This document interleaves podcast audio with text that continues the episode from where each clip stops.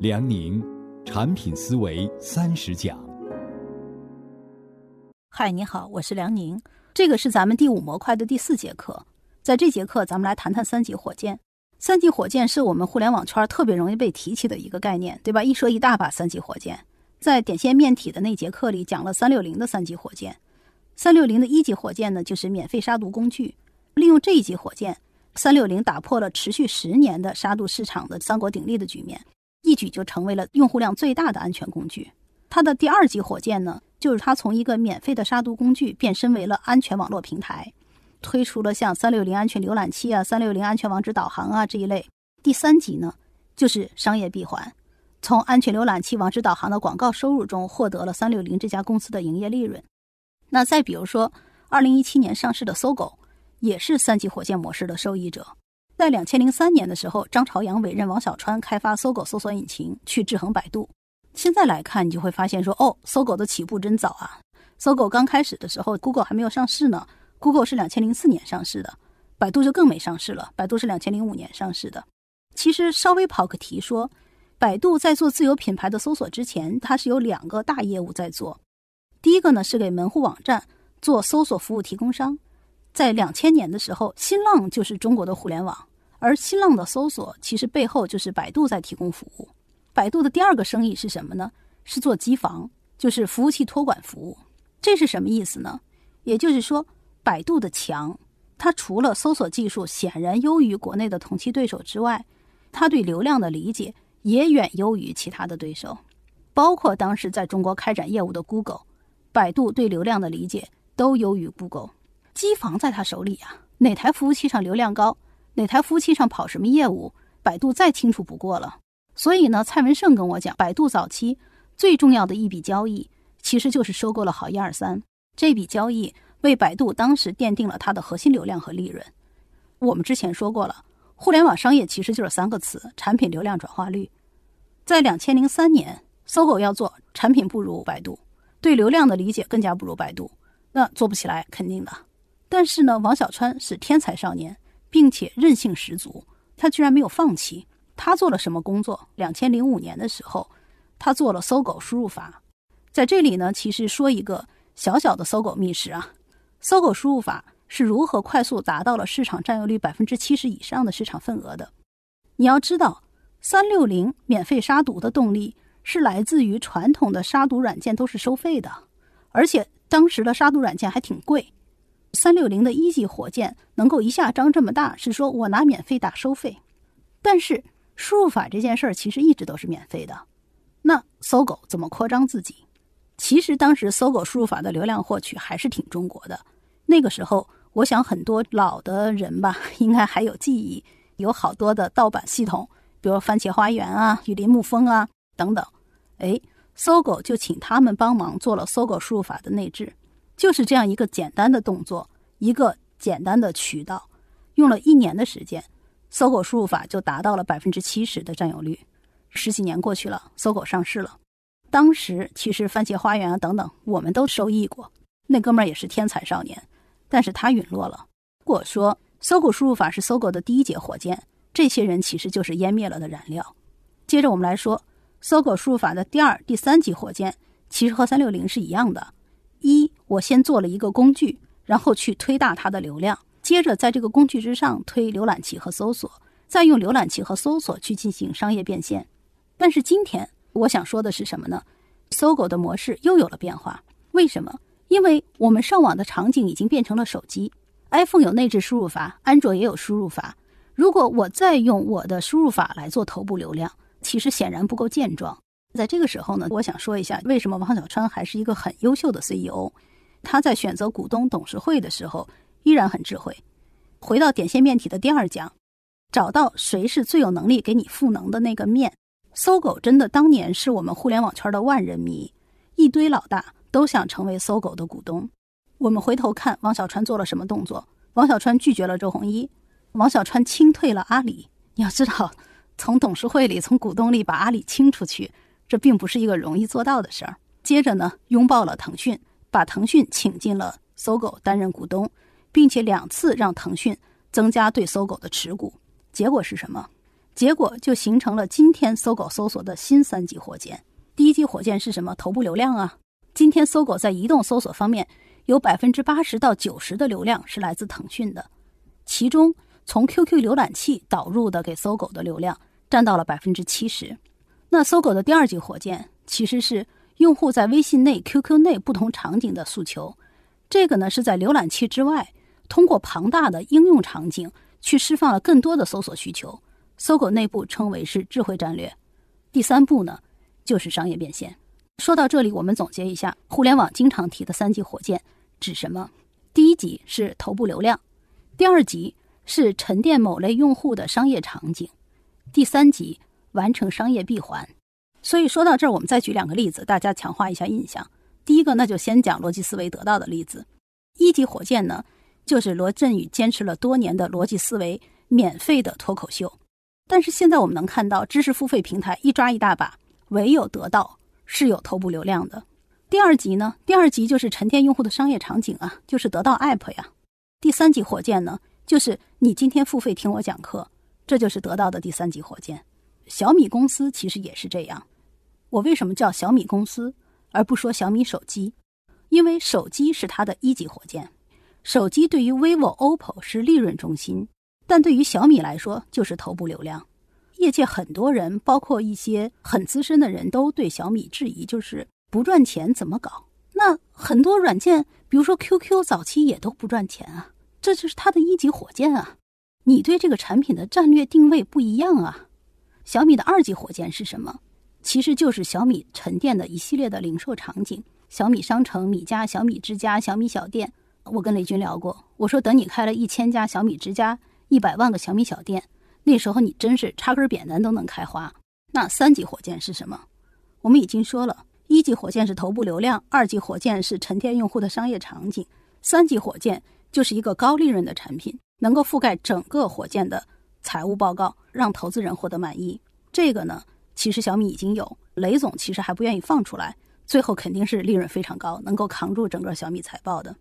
我为什么要把三级火箭当一节课来讲？我们上节课讲了新要素、新物种，就是说，你以为雅朵在做酒店，其实雅朵在做社群共创的实景电商；你以为你在跟雷军比手机，其实人家只是拿手机当头部流量来打你。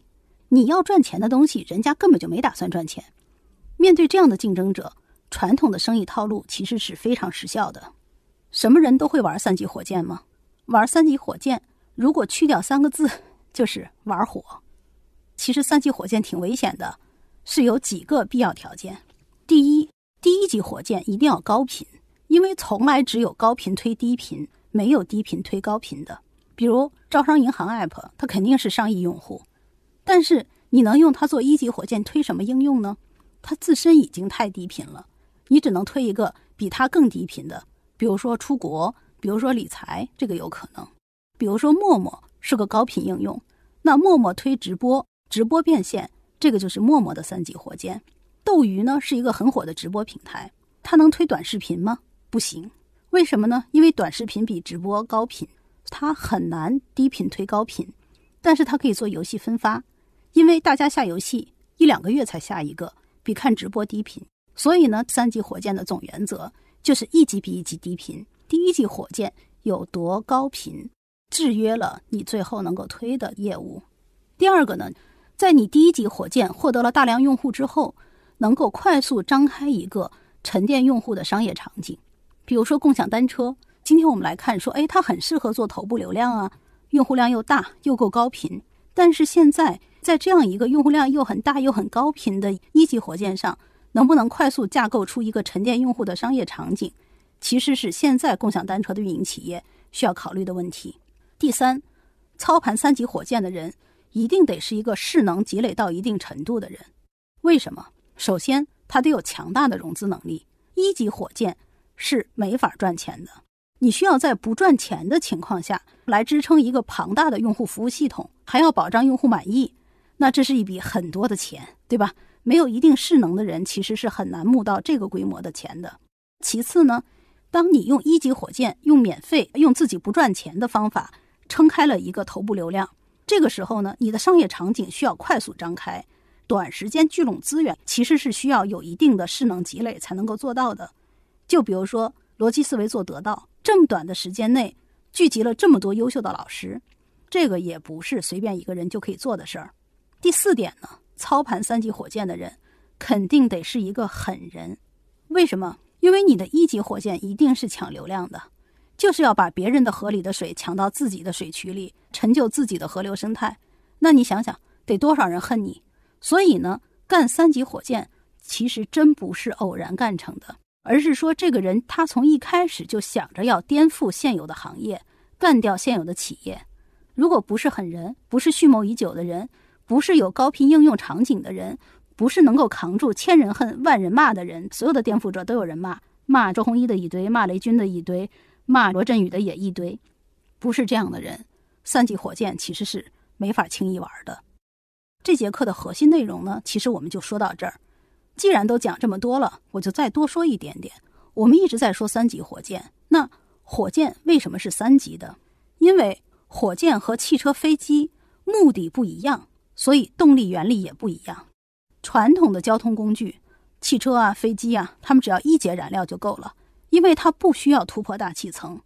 而如果只用一节燃料，它是没有办法穿越现有的高度，冲破大气层的。火箭是靠自己把自己推起来的，就好像是我们这些没有靠山的创业者一样。你凭什么有势能？你就靠割让自己的利益呗。我割让利益，别人挣钱我不挣钱，我获得的用户多一点，我才拥有了势能。火箭如果只有一节，里面又装燃料又装发射的卫星，结果就是火箭是飞不起来的。所以二战时候德国研究的火箭是不能突破到外大气层的，它没有办法达到六百公里高的地球同步轨道，只能在大气层里飞。咱们是人类，对吧？我们生长在地球上，突破地球的引力，很长时间爱思考的理科生都很希望做到这一点，大家就去寻找了一个解决方案，做一个动态系统。喷射燃料的同时抛出火箭壳，降低负载。如果火箭是两节，飞一块丢一块，第二块飞上去需要多重呢？如果是一吨的卫星，那需要一百四十九吨燃料。因为我扔掉的火箭壳越多，其实意味着我需要的燃料越少嘛。所以三级火箭呢，如果运一吨卫星需要七十七吨燃料，那四级呢？四级需要六十五吨燃料。所以你可以看到，火箭的级数越多，其实它需要的燃料越少。但是你每增加一级，就大大提升了不可控，就好像是咱们做商业，如果说模型过于复杂，变现的链条太长，很容易玩脱了。所以如果只做二级火箭，一百四十九吨才能推一吨，那三级呢只需要七十七吨。如果说三级火箭能够省一半的燃料重量，它的危险程度呢也提升一倍。但如果到了四级火箭，燃料呢可以再省十吨，但是危险程度要提升四倍。怎么选？所以我们平时看到，哎，火箭就是三级火箭，它其实是一个成本和可控性平衡后的结果。说到这里呢，其实我还想另外再说两件事，就是说，一，火箭是自己把自己推起来的，它的一级就是一个巨大的燃料堆，目的是给自己制造势能。但是，火箭的目的不是为了飞得越高越好，而是为了放卫星。它是为了把一颗星星放到我们人类的天幕上，这是火箭的目的。第二，无数有权利、有钱的人，这些人其实都拥有巨大的势能，就好像是他拥有一级火箭巨大的势能。但是这群人终其一生，其实他们只是享受无限上升的乐趣，而完全没有概念。哦，我的一生是不是有一颗星星要放到我们人类文明的天顶上呢？没有，这些人完全没有这个概念。所以，当他们的势能耗散，这群曾经拥有无限权力和无限财富的人，也就被迅速遗忘了。那我想举一个我崇敬的人的例子，其实大家都知道，就是诺贝尔。诺贝尔奖发了一百年，我们中关村比诺贝尔奖有钱的基金或者企业多的是，但是中关村那些故事，可能早就消失了，或者十年后、二十年后就彻底的消失了。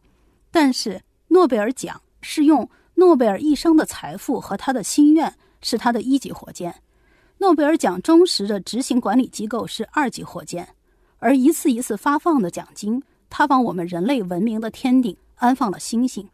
我觉得这个才是真正有价值的三级火箭。所以，终我们的一生，我们追逐金钱，去创建人脉，去获得权力，积蓄势能，做所有的一切，其实它成就了你的势能，它给你打造了一个你的一级火箭。但是，你的一生，你只是想无限享受上升的乐趣，还是说你有一颗星星想放到人类的天顶上？其实这是一个问题。另外呢，我想说一下。关于三级火箭，其实是张云帆给我讲的。张云帆呢是完美世界控股的董事，综合文学 CEO。他有一天就把他对这个三级火箭的模式的完整理解给我讲了一遍，我就觉得非常棒。我跟他讲说我在得道上做了一个课，能不能把你的这个三级火箭的这个模式当成一节内容来讲？他就同意了，所以就有了这一课。也谢谢张云帆。这节课我们就到这里，最后再总结一下商业模式的三级火箭。第一集。高频的头部流量，第二集沉淀用户的商业场景，第三集商业闭环。这节课就到这里，我们还是留一个作业互动一下，因为我们说了，火箭其实是自己把自己推起来的。它的第一级其实是给自己建立势能。你觉得你身边的谁，或者说你知道的谁，特别擅长于给自己去建设势能？我们也可以在讨论区分享一下。谢谢。